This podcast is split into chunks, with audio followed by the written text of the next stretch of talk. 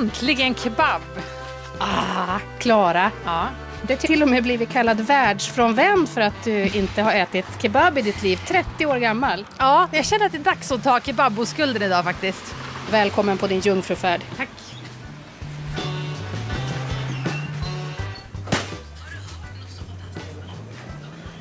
Vad ska vi ta då, Erika? Ja, alltså jag skulle rekommendera alltså inte en eh, rullkebab som finns här i Västerbotten utan en vanlig pitabröd. Okej, men ska jag ta en stor eller en liten? Tänker man inte tycker om. Jag tar Nej, men en så stor. kan du inte tänka. Nej, Du men måste då- gå in måste- nu med... Okej, men ska jag ha superrulle rent av? Nej, Inte rulle. Nej, superrulle. Okej, just det. Ja. Stor kebab då till mig. Vad ska du ha? Nej, jag tar samma. Bra. Ja. Hej. Hej, hej. Två kebab. Stora kebab. Två stora kebab. Den här tjejen har aldrig ätit kebab förut. Är det första gången? Ja. ja, det, ja, jag hoppas jag ska tycka om det. Men ja, det, det blir bra. ja, det tror jag. Har du haft någon här de senaste 20 åren som inte har ätit kebab förut? Nej. Nej. Jag känner, jag känner många varje vecka, tre, fyra gånger de Ja. äter kebab. Just det. Varje. Det är normalt att äta kebab Ja, det är bara jag som är så omodern känner jag Du nu. kan testa idag om du blir nöjd varje dag. Du kan komma. Ja, det är bra. Vad heter du förresten? Karuan. Och du eh, har jobbat här ganska länge. Ja. Ja. Minst fem år, sex år. ja. För Klara här, hon har ju som sagt inte koll på kebaben nu då. Vad tycker du att hon ska tänka på när hon beställer här nu? Eh, du har ingen energi på, vad heter allergi på Allergi? Nej. Eh, nej, ingen. Nej. Mjölk eller? Nej. Ingen. Tål allt. Det, det är viktigt för oss också. Ja. Annars det, du kan... Okej, men är det, är det kryddigt? Är det starkt? Ja, eller? nej, inte starkt. Nej. Men det finns krydda. Mm. Ja, men det Om låter du bra. vill starkt, vi kan göra lägga på starkt. sås. Åh, Jag tror inte starkt. Jag är ganska mesig. Du då, Erika? Ja, det ska vara starkt. Det tycker jag är en av grejerna med kebab. Okej. Ja, men eh, vi testar. Två stora kebaber. Två vanliga. Ja. Jag bjuder, Erika. Ja, stort. 150. Mm. Pepperoni. Ja, det är gott. Det är gott. Då måste vi ta Testa, det. ja, du kan testa. Det ska jag testa. Eller vi kan även sidan om om du vill. Ja, men det kan du göra. Det är en bra idé. Tack så mycket. Tack. Ta lite hängslen och livrem här med starka kryddorna på sidan. Ja, men snabbmatsbranschen är ju annars inne i sen du jobbar på grill som ung tjej. verkligen. Ja, så jag har ju gjort massa kebab, men jag har ju aldrig ätit kebab själv. Jag älskar ju friterade saker, så man någon gång kommer så här, då måste jag ju ha pommes fritesen. Och då blir det en hamburgare såklart. Alltså vadå, du har gjort kebab? Ja, alltså jag har ju stått och förberett kebabrätter liksom, men jag har inte ätit det. Det här gör ju bara allt ännu konstigare. Har du stått och liksom Ja, men skivat jag- fårkött och lagt men- i pitabröd? Nej, men jag har inte skivat, men jag har stått och lagt ihop det. Men jag jobbar på ett sånt äckligt ställe, så där ska jag ju inte äta ens som jag fick betalt för att äta. Gud, det här kebabmysteriet blir bara konstigare och konstigare. Jag trodde faktiskt inte att du hade stått och serverat kebab och ändå aldrig bara smaka köttet. Men tycker du inte det där doftade gott då när du gjorde det? Inte på den restaurangen jag jobbar på kan jag säga. Mm. Där tappar man till och med eh, suget efter Vänta friterat. lite här nu. Alltså pizzasallad innan Vadå? kebab, det skulle jag inte rekommendera. Nej, vad ska Nej, jag ta nu är det inte pizza utan nu är det kebab. Ja, nu tar man såna här. Pepperoni. Mm. Eller pepperoni. Är pepperoni en korv? va? De här tycker jag i och för sig är väldigt goda. Där brukar jag köpa och Mm. snacksa på. Kan du ta några till mig också? Mm. Bra. Köpte vi någon dryck Erika? Ursäkta, ingår dricka? Ja. Vad vill du ha då? Eh, men man måste väl ha cola till? Alltså man måste väl ha socker? Man kan väl inte köpa... Vill du ha vanlig eller vill du ha zero? Mm, nej, jag tar nog faktiskt en Loka. Jag trodde att man var tvungen att ha söt dryck till snabbmat. Nej. Ska vi sätta oss här då? Ja. Litet bord för två. På lunchrestaurang, kebabhaket för första gången. Känner du dig nervös? Nej, jag känner mig peppad och väldigt hungrig. Ja. Men det måste jag ju bara förbereda dig lite här så du inte går in i det här alldeles liksom eh, som en ovetande jungfru. Alltså med kebab är det ju så att det är ju den snabbmat som det kan bli de största spännvidden på. Det kan vara det bästa, bästa. Alltså en god kebab är det godaste som finns. Men det kan också bli det största, liksom. Floppen.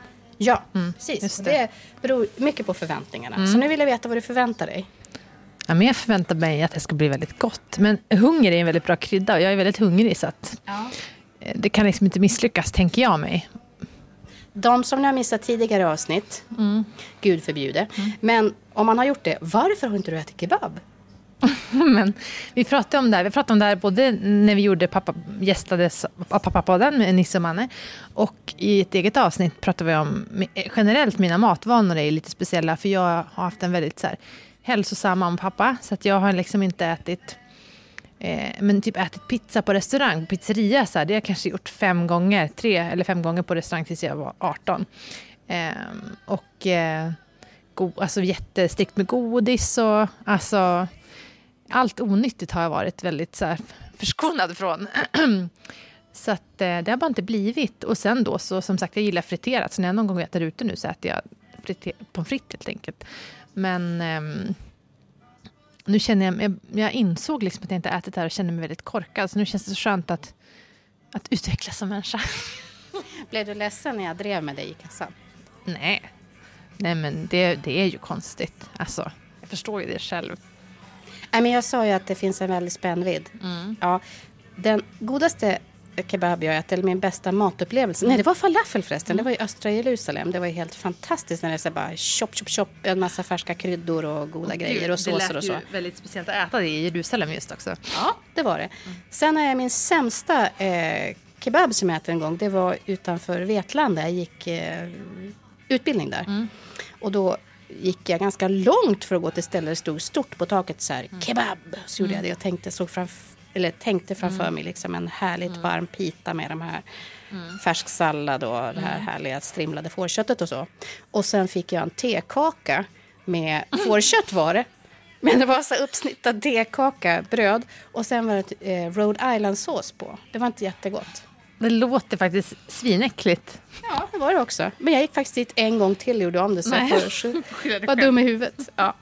Nej, men, ja, jag hoppas att vi ska få känna de här härliga starka smakerna nu. Mm. För vi glömde prata om det här med såserna. Det är jag lite orolig för. Mm. För jag vill att det ska vara en röd stark sås och en vit vitlökssås. Mm. Men nu pratade vi aldrig om det för vi var så fokuserade på att Mm. du skulle klara den här beställningen. Så vi missade det allra viktigaste. Så det här är Mm. som öppet för djupdykning faktiskt. Just det. Ja, men vi får se vad det blir nu då. Vi har två olika dressing. Åh, vad bra. Vi ska just fråga om det. Och Rhode Island. Vitlök. Vitlök, ja. Eller båda. Jag vet inte. Bara vitlök blir Bara vi. ja. Har du nå- vad sa, hade du någon röd stark sås? Vi har starkt sås också. Ja, stark och vitlök då vill jag ha. Ja, en Ja. av dem. En av dem. Jag vill ha vitlök och hon vill ha båda röd och vit. ja. Det här menar ni vet man aldrig riktigt vad det blir. Han undrar om vi vill ha Rhode Island. Men han frågar i alla fall inte om tekaka. Men en del säger också Rhode Island fast det är en orientalisk sås som bara är rosa. Så att, eh, ja. Ja, det, jag känner att det är plötsligt väldigt lätt att beställa en Hawaii. Brukar du beställa det? Det är ju jättegott. På resa i Italien. Jag tar en Hawaii. Men det minns jag. När jag då åt pizza typ med en kompis första gången som... Det är ju sjukt gott. Man beställer en Hawaii med bearnaisesås på. Och fy fan vad gott det är. Alltså det är väl typ 7000 kalorier, men det är det värt. Alltså det är väl kalorierna eh, får man ju lätt i sig ändå. Men vad då ananas och bearnaise? Äh, det är så sjukt gott. Oj, oj. Jag, Ugnsvarm ananas. ja, men, tycker du inte om Hawaii-pizza? Jag är inte så förtjust i varm frukt överhuvudtaget, så Hawaii är ingen favorit. Gino är alltså ingen favorit heller. Absolut inte. Nähä. Gud vad skönt att 90-talet är slut känner jag bara. Men när vi sitter här och väntar... Ja. Ja, nej, men jag har bara hört det här. Det var någon som sa det, att alla vänsterpartister gillar att ha frukt i maten. Det är faktiskt sant. Menar du att du kommer ut här nu rent Ja. politiskt genom att säga att du gillar Hawaii-pizza? Alla, kanske det. Nej, men alla, det är jättemånga folk jag känner som, det är ett otyg uppe i Västerbotten, har väldigt mycket frukt i maten. Och det är gemensamt med att alla är vänsterpartister. Så nu kan ni göra ett enkelt test med er själva. Gillar ni frukt i mat? Då vet ni vad ni röstar politiskt. Eller vad ni borde rösta politiskt. Vad det borde stå politiskt. Vadå, varför skulle det vara någon sorts Nej, västerbottnisk men, grej? Nej, men jag tror att... Eh, jag har hört från folk som flyttat till Västerbotten att man bara, gud vad ni håller på med frukt i maten hela tiden. Det ska Va? ananas, Har aldrig hört. ananas i vitkålssalladen och äpplen i korvgrytan. Och, ja. Och jag, det, jag tror Bananer egentligen- i palten, det är helt hopplöst. Det är ingen ordning jag tror att man egentligen säger lite så klassförakt. Liksom. Eh, man är inte så, så liksom, sofistikerad som vänsterpartist utan man håller på med sånt här som känns ganska omodernt som eh, banan och äpplen och ananas i mat. Wow, alltså jag känner mig väldigt moderat nu när jag säger att jag då... Moderat eh, när det gäller eh, snabbmat i alla fall. Ja. Nu kommer det här. Wow. Oh la la. Tack så mycket. Tack chefen. Tack. Vi kan väl börja med att prata om storleken. Alltså, det är ju- den är fan stor som en handväska. Ja, nu blev det lite det här att det inte blev så moderat mat. För att det här ska egentligen vara i pitabröd. Men nu gjorde de en sån här pizzadeg. Jättegott. Nu tycker jag att du ska bita sönder en sån här... Eh, Men först måste jag ta en bild nu. Okej. Detta historiska ögonblick. nu ska, när Klara ska fota det så måste... Är den kebaben så stor så måste luta sig in i skyltfönstret. Det ryms liksom inte i, i bild. Ja, vad sa du? Jag ska öppna en förfrågning och, och hälla över. Jag tycker så du får lite umf i det här som du brukar Umf. säga. Äter man det här med bestick eller äter man det med... Ja, jag äter med bestick, men jag äter hamburgare med bestick också. Det är väl västerbottniskt som någonting? Eller norrländskt, det här Att säga Max... hamburgare, det är däremot... Ja, det det är det också. För det sa du. Men, ja, men bestick, är det det? Ja, men alltså man äter ju inte... Det är ju en sån här grej som Max håller på med, men McDonalds och Burger King och så, det har man ju inte bestick på. Är det sant?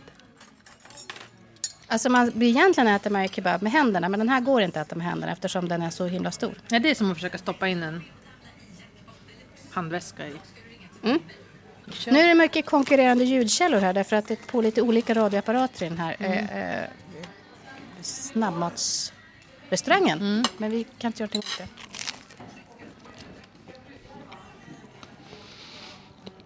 Åh gud vad gott.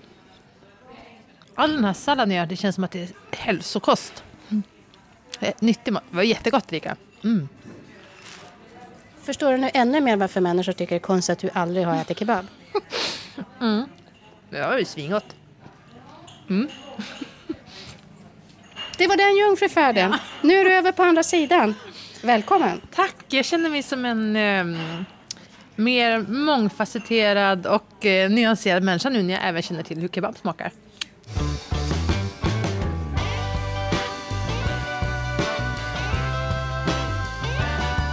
Vi ska gå och hämta lite sån där eh, röd stark sås till dig. För det blir en lite annan grej då.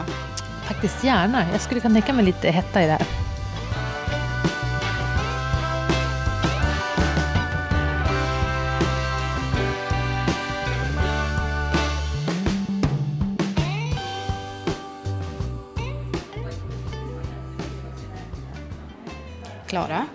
När vi ändå nu sitter här och mumsar kebab. Till dig som lyssnar och skriver och kommenterar poddavsnitten på underbaraklaras.se eller Instagram eller Facebook. Vi har ju haft flera veckor nu där de här lyssnarkommentarerna har berikat vårt liv mycket. Ja men gud, det var någon slags eh, boom av, av kommentarer kring podden. Det känns ju helt fantastiskt. Ehm, jag är bara extra glad för alla som hörde av sig efter förra veckans avsnitt om depression. Det var ett ganska jobbigt avsnitt att göra och jag var lite tveksam till om jag skulle göra det. Men eh, när jag läste kommentarerna så kände jag att, att eh, det var rätt beslut. Tack för att ni, ni skriver. Nu tog du upp en så stor fråga så jag känner mig lite futtig här som tänker gå vidare och prata om eh, mattfranskamning. Vi pratade ju om det här med kulturen av att kamma mattfransar i arbetarfamilj som jag växte upp i. Eh, Du verkar tro att det här var en helt isolerad fråga som bara eh, härrörde min egen familj. Ja, men eh, Cotton Grass, lyssnaren Cotton Grass, hon gick in på min Instagram, Icko Dahlgren heter jag där, och så här skrev hon där. Min pappa var också murare, murarmästare av Guds nåde och han byggde en matt fransk kam av ett gammalt dammsugarmunstycke och en hårkam. Det var mitt jobb att fixa fransen och vi brukar båda beundra resultatet. Väldigt fint, måste säga. Uppfinningsrikt. Ja, jag gillar att han gick liksom hela vägen. Inte bara någonting man rafsar igenom med fingrarna sådär innan folk kommer. Utan man bygger en egen pryl. Jag kan tänka, det var ju lite en kärlekshandling också. Jag gissar att det annars var fruns och ja, dottern här då uppgift att hålla ordning på fran- fransarna. Men nu underlättar han det med en maskin. Det var ju bra. Eller hur? Förstår du nu då, Klara, att det här med murarbarn som kammar fransarna på mattorna, det är liksom, det är en bred kultur i Ja, ja, men när jag började tänka efter och koppla upp det med murare, som jag sa så kan man ju Mats Fransen, hon var gift med en murarmästare. Min morfar var ju murare. Så att... Eh, det du bara hör låtsades inte känna till det här. Ungefär så, för att jag tyckte det var så fånigt. Mm. Och för några veckor sedan pratade vi om att reklamrensa i badrummet och vi drog av etiketterna på schampoflaskor, lotionburkar, ja, massa olika förpackningar blev ju av med sin säljande etikett. För att vi skulle få den så här rena nakna förpackningen och lite stillhet i hjärnan. Jag vet inte om jag minns fel här nu, men du sa att du tyckte att det här lät fånigt innan vi gjorde det. Mm. Men eh, jag ändrade mig på slutet, gjorde jag inte det? Jag tyckte att det var en väldigt bra idé. Men eh, jag måste ju ändå tillstå att jag inte gjort det själv, för jag har ju Du lovade. Du sa att du inte drev med mig, när du, men du har alltså inte gjort det? Nej, men som, som jag sa, vissa förpackningar vill jag ha kvar etiketten på för att det är Ja, det. etikett jag betalar för.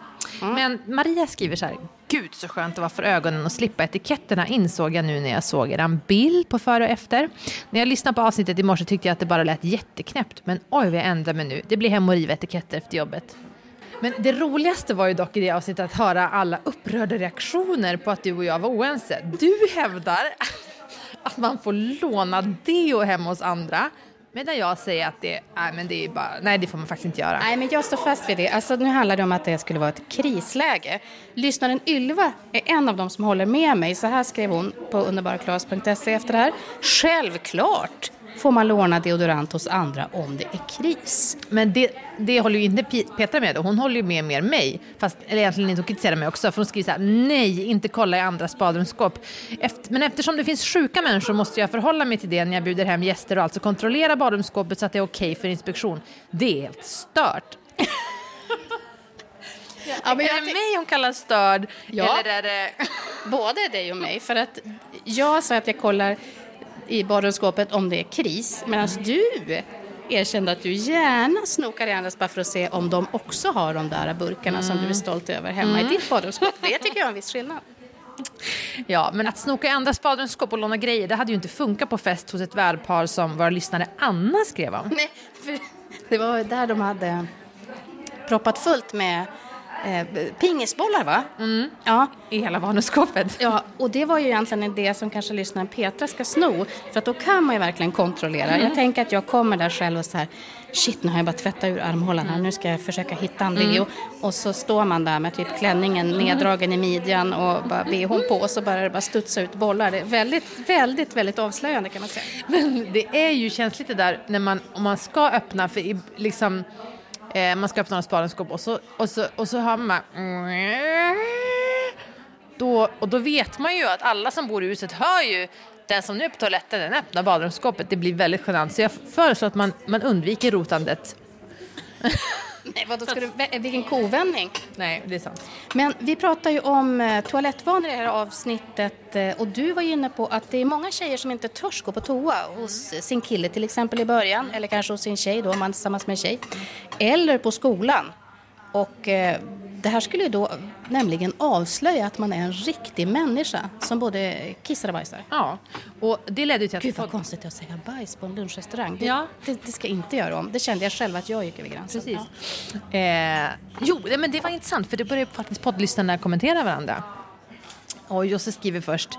Min man och jag har varit tillsammans i 18 år, gifta i 8 år och jag har inte ens fisit tillsammans med honom. Det är ändå en bedrift. Då svarar Ann-Marie. What? Inte en fis på 18 år? Och Jessica undrar, har du inte fått ont i magen av alla fisar du hållit in genom åren? Ja, jag älskar när det blir så här att eh, våra lyssnare börjar kommentera varann. Ja. Det kanske är höjden av glädje på något sätt. Ja, verkligen. För vi skrattar ofta åt eh, era roliga kommentarer och eh, blir så här svinstolta när ni berättar att ni har skattat högt åt oss. Mm. På bussen, i kassakön, På badhuset tror jag någon berättade. Ja. Jag förstår inte hur hon hade för vattentäta hörlurar där. Nej, men eh, väldigt kul och vi tar ofta skärmdumpar av era kommentarer och skickar till varandra. Har du sett vad den här personen skrev om podden? Så, här, så vi, vi uppskattar det verkligen. Men du är jättebra på det. Mm. Och efter vår swinglish-avsnitt, vårt swinglish-avsnitt om felsägningar så skrev Sandra Brunnström hur det gick till när hennes brorsa skulle beställa kulglass i Memphis. Ska du vara expediten? Eller ska Okej, jag är expediten. Ja, okej. Då är jag hennes brorsa som ska beställa två Mm. kulor glass. Eh, I have two balls. Okej. Jag gillar det så mycket. Jag känner det som, som hade kunnat hända mig. Att man inte tänker sig för. Det var någon annan som skrev att eh, det var någon som gjorde en felsägning till någon engelsktalande som kom in på en myndighet. Och den här svensken som inte är van att prata engelska, han skulle ju säga så här att han skulle skicka en blankett hem. Han bara No worry, I send you blanket. och den där eh, förvirrade besökaren som pratar engelska undrar fortfarande när han ska få en filt hem i brevlådan. Ah, kan jag få låna din servetter? Ta den där du. Tack. Men du, det kan också låta så här, som när vi gjorde avsnittet om kvinnoroller för några veckor sedan. Då skrev Nadja, jag var på vippen att börja gråta när jag hörde om Duktiga flickan, för jag känner mig så träffad. Tack så mycket för det här avsnittet. Nu ska jag se till att ändra lite på mitt beteende. Ah, just det. det. Det vart jag lite så påverkad av. Ja, det- Att eh, se när att människor berättar att de börjar gråta Ja. av det vi pratar om. Helena Alin skrev, jag grät när jag läste om Duktiga flickan. Att hon kämpar så hårt för att bli bara en gnutta sedd, men ändå genom hela livet fortsätter vara totalt osynlig. Det är flera av er som lyssnat som har frågat efter texterna som jag hade skrivit om kvinnoroller. Vi gjorde ju en jämförelse, de var ju tio år gamla de här texterna, nästan tio år. Och så skulle vi se om vi läser dem idag, vad har hänt med kvinnorollerna på det här decenniet? Eh, alltså tyvärr, jag har letat som attan och jag hittar inte något i digital form så att det går att lägga ut på Klaras blogg eller på något annat sätt. Utan jag har bara i papperstidningen och då tar det lite för lång tid att sitta och skriva in allting igen. Så sorry, jag skulle jättegärna ha lagt ut det du annars. vad? Jag funderar på hur vi skulle kunna göra. Vi kanske kan skicka det i mitt eh, nya nyhetsbrev, Underbara nyheter. Om vi lägger in det som eh, bilagor. Så om ni... Nej, men ska jag skita i det? Det kanske... Nej men vi, problemet är ändå att det inte är... Men då fotar jag bara av det som bilder. Får man klicka upp de stora. Okej. Jag vet inte om jag tänker fel nu. Ja, det där får du lösa känner jag bara. Men eh, tycker Klara var en bra idé och kommer fixa det till alla er som... Men det är ett nyhetsbrev då? Ja, men det, det anmäler man sig till på, på min blogg. I, hög, I sidebaren till höger så finns det en post som heter Underbara nyheter. Prenumerera. Så klickar du där och då får du mina underbara nyheter. Och då ser jag till att skicka ut det där reportaget i en eller annan form. Det får bli ett löfte. Som du har gett. Ja, eh, underbara nyheter, men vill inte ha det, tänker jag bara. Ja. Och det här är ingenting som kostar någonting, man bara anmäler sig Ah, ja. på din sajt och du kommer inte skicka ut adresserna till alla stora företag i Sverige som kommer utnyttja detta på ett ohemult sätt. Nej. Skönt. Nej, men jag skulle vilja gå tillbaka lite till den här stämningen när saker går in rakt i magen. För så blev det för mig när jag läste en kommentar till oss som Jenny har skrivit. Jag går igenom en tuff cellgiftsbehandling och det är fruktansvärt jobbigt och jag vill ge upp vissa dagar. Men då hjälper det att tänka lite som ni pratar om att det här är inte för alltid. Om ett par månader kommer jag må bättre och jag vet att jag kommer att bli frisk. Det är jobbigt just nu, men jag kommer inte alltid må så här. Det hjälper mig att ta mig igenom de tuffaste dagarna. Tack för en bra podd, den förgyller mina bussresor till behandlingen. Mm. Ja, jag blev, jag blev jätteberörd av den kommentaren. Och den kom ju efter podden om just etiketterna. Visst var det det? När vi pratade om eh, när man mår dåligt. Att liksom... Ja, det där som är så himla svårt. Att ställa sig lite utanför känslan och tänka att saker kan vara övergående. Och liksom ha, våga tro på det också. Och våra två tekniker vi pratade om var att antingen zooma in och bara tänka stund för stund, minut för minut. Eller att zooma ut och tänka om 400 år vet ingen att jag har funnits. Och, och, ja. Och, ja, men jag, jag, Du var ju lite inne på det här också i förra veckans avsnitt där du berättar om att du har fått diagnosen depression. Mm. Jag tror inte riktigt att ni som lyssnar och skriver helt kan förstå kanske att det spelar så stor roll för oss att ni skriver kommentarer och engagerar i podden så här mycket. Och även om vi inte svarar på allting så läser vi allt. Det Ja, gör vi faktiskt. Ja, men det gör vi verkligen. Och jag tänker att eh, särskilt du Klara har inte möjlighet att svara så mycket som du skulle vilja. Och det säger du ofta är ett problem. Ja, men det är så dåligt, så dåligt, dåligt samvete för jag läser och blir jätteglad och så blir det ofta så att man svarar på kritik för den känns så här, oj det här måste jag bemöta. Men man svarar inte på de här jättefina kommentarerna. Och sen är det så svårt idag för folk skriver inte bara på bloggen utan folk mejlar, de skriver på Facebook och de skriver på Instagram och de skickar med, privata meddelanden både på Facebook och Instagram. Så jag har liksom sju, åtta olika kanaler där folk kontaktar mig. Så det är svårt att hinna svara på allting. Men jag läser allting. Samtidigt som jag vet att du blir så här glad, för det ser jag och när du skickar vidare med eh, tummar upp och glada ansikten och så kring eh, positiva lyssnarkommentarer så vet jag också att när du får såna där riktigt ilskna, sura, hårda kommentarer med skarpt kritiska kommentarer så kan du bli väldigt ledsen. Ja, och det kan kännas så futtigt att prata om eftersom jag, menar, jag får jättemycket pepp och, och li, blir så lyft. Så därför känner jag alltid så att det är svårt att prata om det utan att låta som att ja men skärp dig. Jag är egentligen bara ett specifikt brev jag tycker vi ska prata Okej. om. Det som kom hem till din brevlåda. Ja, alltså jag såg på kuvertet att det här är inte bra. Man ser liksom på handstilen att den är aggressiv. Och jag fick en sån dålig känsla för det börjar så här. Jag har läst din blogg väldigt länge och mina barnbarn läser också din blogg och vi har uppskattat den. Men vi har diskuterat att du är så otroligt dålig på att ta kritik. Och så följde ett långt mejl där det var så här. Jag hoppas att det verkligen att någon kan eh, tala dig till rätta, att du har någon klok person som kan hjälpa dig med det här. För det är ett stort problem i ditt liv att du inte kan ta kritik. Och eh, eftersom du är så dålig på det så har jag och mina barnbarn bestämt att vi ska inte läsa din blogg längre. Eh, och så bla bla bla jättemycket. Och egentligen, alltså jag blev så jävla ledsen. Och du, du råkade ju ringa mig typ eh, några minuter efter bara. Och jag bara satt och grinade. Och jag kan inte riktigt förklara varför. Ja, men jag tror att du... Du sa inte ordet orättvist, men jag tror att du tycker att det är orättvist för att eh, det här var inte så långt efter vi precis hade gjort ett avsnitt här i podden som heter Det långa självkritiska avsnittet. Där eh, då var bloggläsarombudskvinnan Blok, karaktären, med och väldigt hård mot dig. Eh, och tog upp lyssnarkommentarer och så här, ja, vi gav dig jättestort utrymme.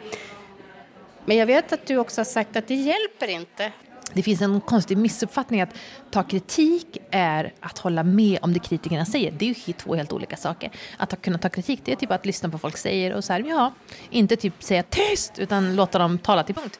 Men man behöver inte hålla med om kritik för att kunna ta kritik. Och det, det upplever jag att det är väldigt mycket så i bloggvärlden, att man förväntar sig att man ska, om man ska, om man ska betraktas som någon som är bra på att ta kritik, då ska man också ändra sig så att man ska hålla med kritiken. Har du en penna? Jag tänkte att vi skulle ha ett experiment som eh, du som lyssnar också kan göra när du tycker att kritik slår över berömmet. Det här har jag gjort många gånger. Då tar jag, vi har inget papper här, men jag tar den här servetten. Så viker vi den på mitten. Så att det blir två lika stora delar efter det här vecket. Mm. Sen ska vi lägga den lite mer. Du flyttar din tallrik. Så. Jo, då vill jag att du på den här eh, högra sidan så skriver du du sätter en prick för det där sura brevet som du fick. Hur många mer negativa kommentarer har du fått? Vi kan, jag kommer snabbskrolla och kolla lite på de Ja, senaste du kan inläggen. snabbscrolla.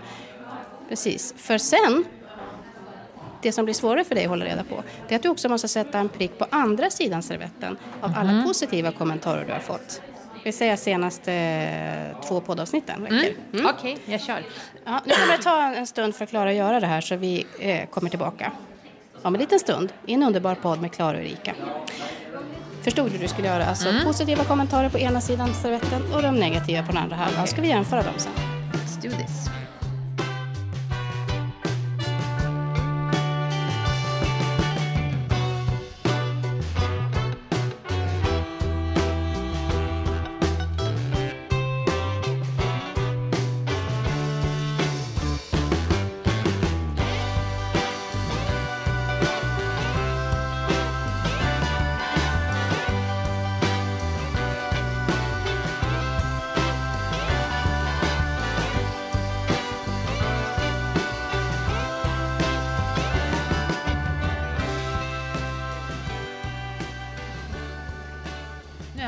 Igenom de sista inläggen här och tryckt prickar.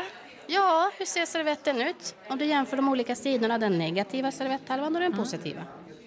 Äh, Den positiva ser ut som att den, eh, den är ju helt full i flugskit. och det är bara några små prickar på den andra. Alltså det var väldigt, det har jag faktiskt aldrig tänkt på att man kan göra så här, men det var väldigt smart just att, att få att man gör alla kommentarer lika viktiga, för alla får bara en prick. Ja, och att göra det så här visuellt, det är att plocka det ur huvudet. Där de här negativa orden snurrar runt och snurrar runt och snurrar runt. Man kanske till och med förvärrar dem lite Ja. än, om, än, än hur Så de var från början. Man läser dem med extra arg röst och sådär dessutom. Men och just det där att, att, eh, att det, det är det som är så sorgligt också att liksom en negativ kommentar tar mer än hundra snälla. Och då, så i hjärnan känns det som att den där negativa ta- kommentaren är som ett stort svart moln. Men nu ser jag att det är bara en liten prick på ett papper.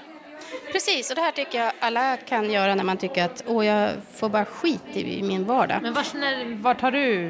Nej, men jag brukar göra det här när man sitter med nya programledare. För då kan det ju komma så här... Eh, första veckan kanske det kommer 15 kommentarer om att de var så dåliga bara för att de kanske inte var så dåliga utan för att de inte är de personer som tidigare sände. Vilket är en hopplös uppgift, det kan man ju aldrig vara. Nej. Och då brukar jag säga, ja men hur stort är det här egentligen? Och så får man sitta och göra såna här prickar. Ja. Bra grej. Men det är speciellt att få brev som någon har handskrivit och skrivit att man är dålig, så är det ju bara. Särskilt Ja. när man inte haft en chans att hunnit öva ens. Nej, verkligen. Men om du som lyssnar nu sitter och gör det här hemma och så upptäcker du att men det vart inte alls som Klara och Erika pratade om utan mina prickar är tvärtom, det är bara negativa pluttar på mitt. Kanske man måste fundera på hur man har det på sitt jobb egentligen. Eller hur? Och ska man ha ett sånt jobb där man nästan bara får negativ feedback, det är ju jobbigt. Nu vill jag veta feedback lite på den här kebabstunden som vi haft här. Är det här någonting du kan äta igen? Ja, ja, gud vad gott det var. Alltså det här var bland det godaste jag ätit sista tiden. Det är väldigt, eh, lite för mycket. Jag skulle tagit det lilla, känner jag med facit i hand. Eh, väldigt mycket mat, men supergott var det. Men man ska ju ha den starka såsen. Man ska absolut ha den starka såsen. Och egentligen så tycker jag också att du skulle ha fått pitabröd. Men så eh, blir det kebab en gång i veckan framöver. Nej, det, det tror jag inte. En underbar podd är slut för den här gången. Tack ska ni ha och fortsätt kommentera. Nu vet ni hur mycket vi gillar det. Ha det gott allihopa. hej då. Och eh, nu ska ni få höra Himlen över Hedlunda med Olof Antonsson.